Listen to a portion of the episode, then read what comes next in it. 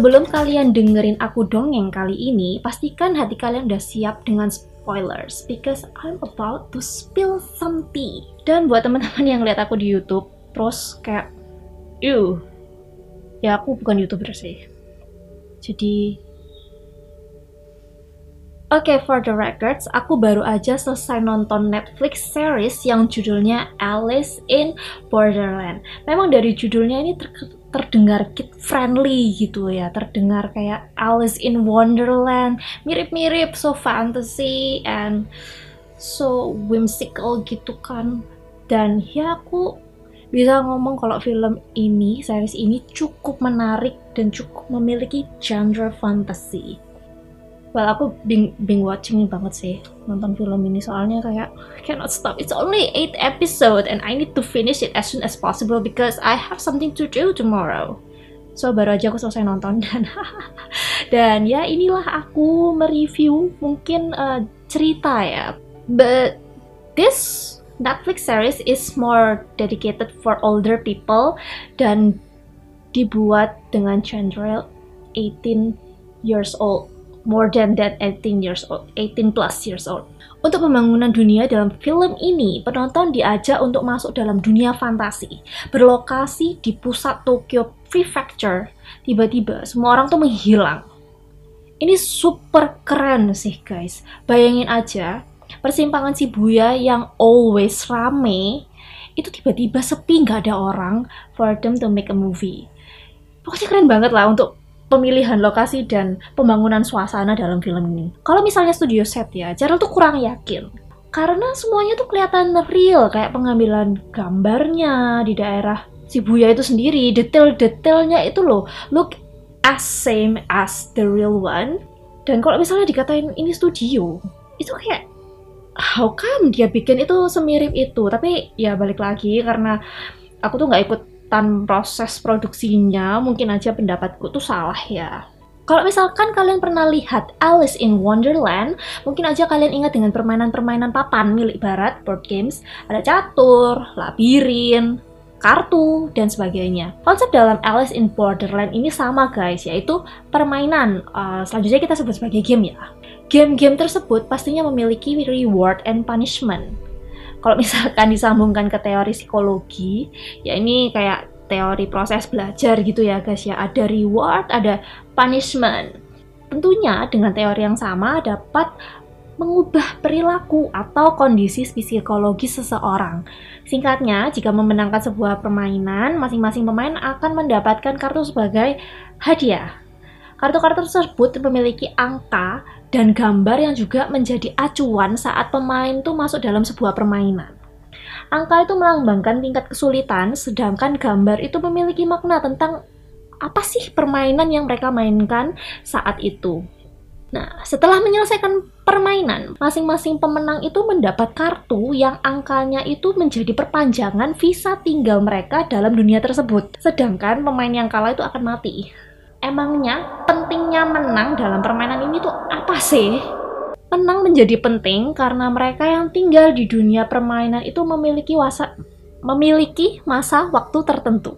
Jadi kayak ada izin tinggalnya gitu, guys. Kita sebutnya di sana tuh sebagai visa tinggal. Kalau misalnya kalian pergi ke suatu daerah negara, kalian perlu visa untuk masuk dalam negara itu. Kalau misalnya kalian visanya udah expired habis, kalian harus memperpanjangkan itu supaya nggak ditangkep gitu kan sama imigrasi. Sedangkan pemain yang kalah dapat punishment, yaitu mati.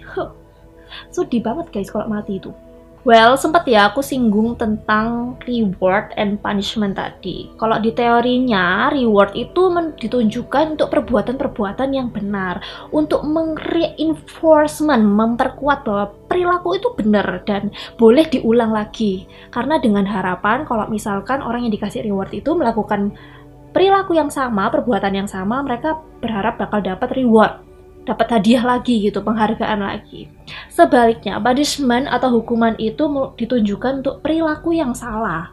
Tujuannya agar orang yang melakukan perbuatan salah dan menerima punishment itu stop gitu, berhenti untuk melakukan perbuatan yang dianggap salah. Dan why film ini jadi 18 plus genre-nya? Karena kalau misalkan anak kecil yang nonton ini so pasti mentalnya jadi kacau. Meskipun reward and punishment kita uh, bukan kita ya aku belum jadi orang tua. Tapi mungkin orang tua pada umumnya kasih reward and punishment for their children buat didik mereka. Kayak di filmnya juga ada reward and punishment tapi nggak ditujukan untuk anak-anak kecil kalau misalnya anak kecil nonton tuh pasti mentalnya kacau lah ya. Let's put aside the fact that film ini punya adegan kekerasan, pembunuhan, and nudity. Kalau aja si anak ini memiliki yang kuat sekalipun, kalau misalkan kurang paham tentang prinsip yang benar, mana yang salah, masih belum punya apa ya pegangan hidup gitu, bisa aja loh ngikutin nilai-nilai yang buruk gitu dalam film ini. Oke, okay. Kalau cara perhatikan, semua permainan memang diatur berdasarkan gambaran kartu kan. Uh, kriting atau clover itu berarti permainan tentang kerja tim. Spade, waru, sekop itu berarti pekerjaan eh pekerjaan permainan yang membutuhkan uh, kekuatan fisik.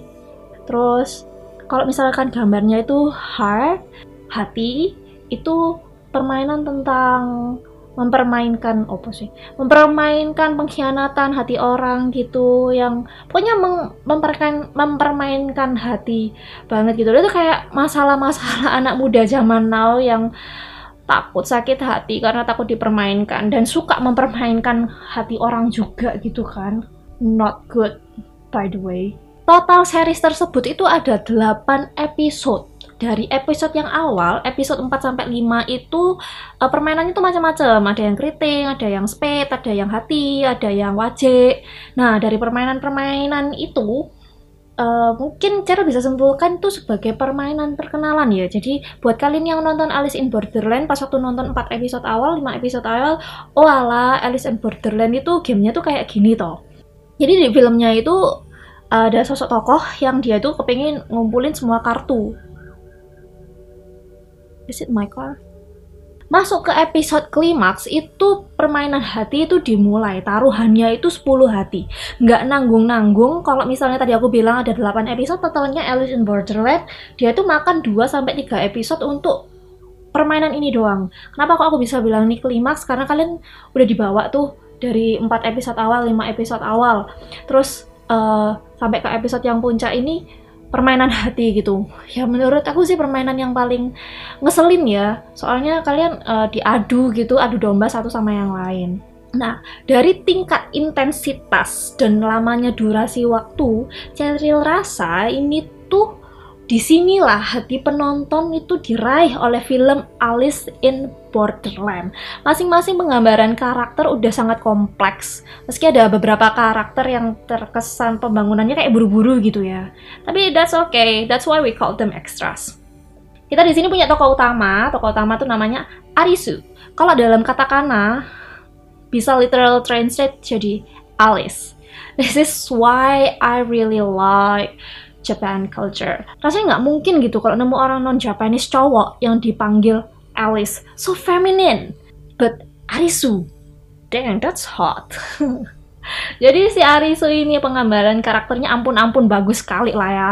Si penulis juga membangun karakter ini dua membangun karakter dua temennya ini susah-susah untuk akhirnya dibunuh gitu kan di episode awal-awal hanya untuk membentuk simpatinya penonton terhadap karakternya si Arisu ini.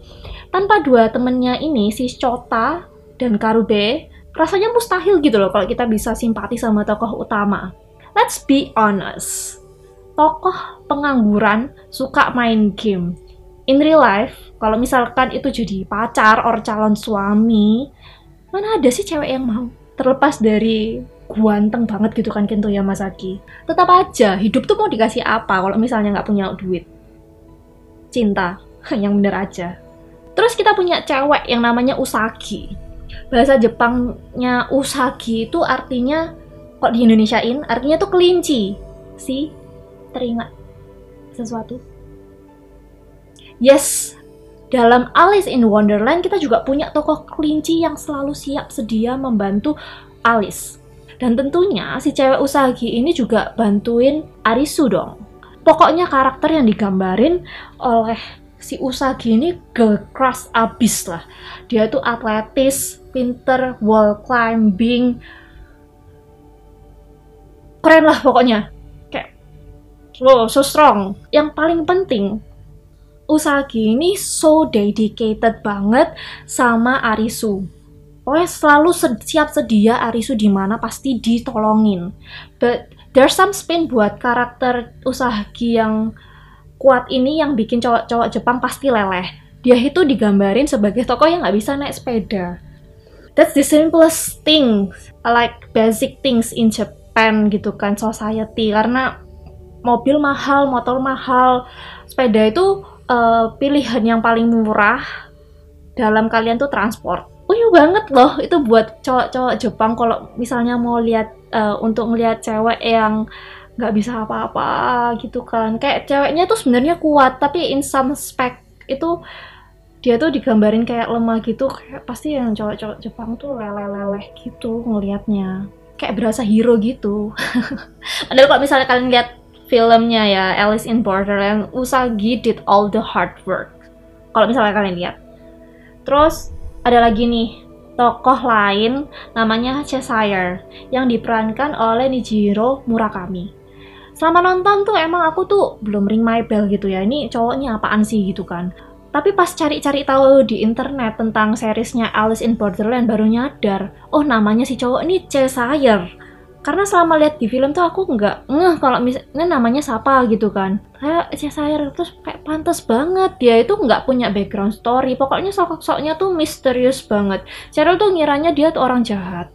But now it's all make sense jika penggambaran karakternya itu mencontoh Cheshire dalam film Alice in Wonderland.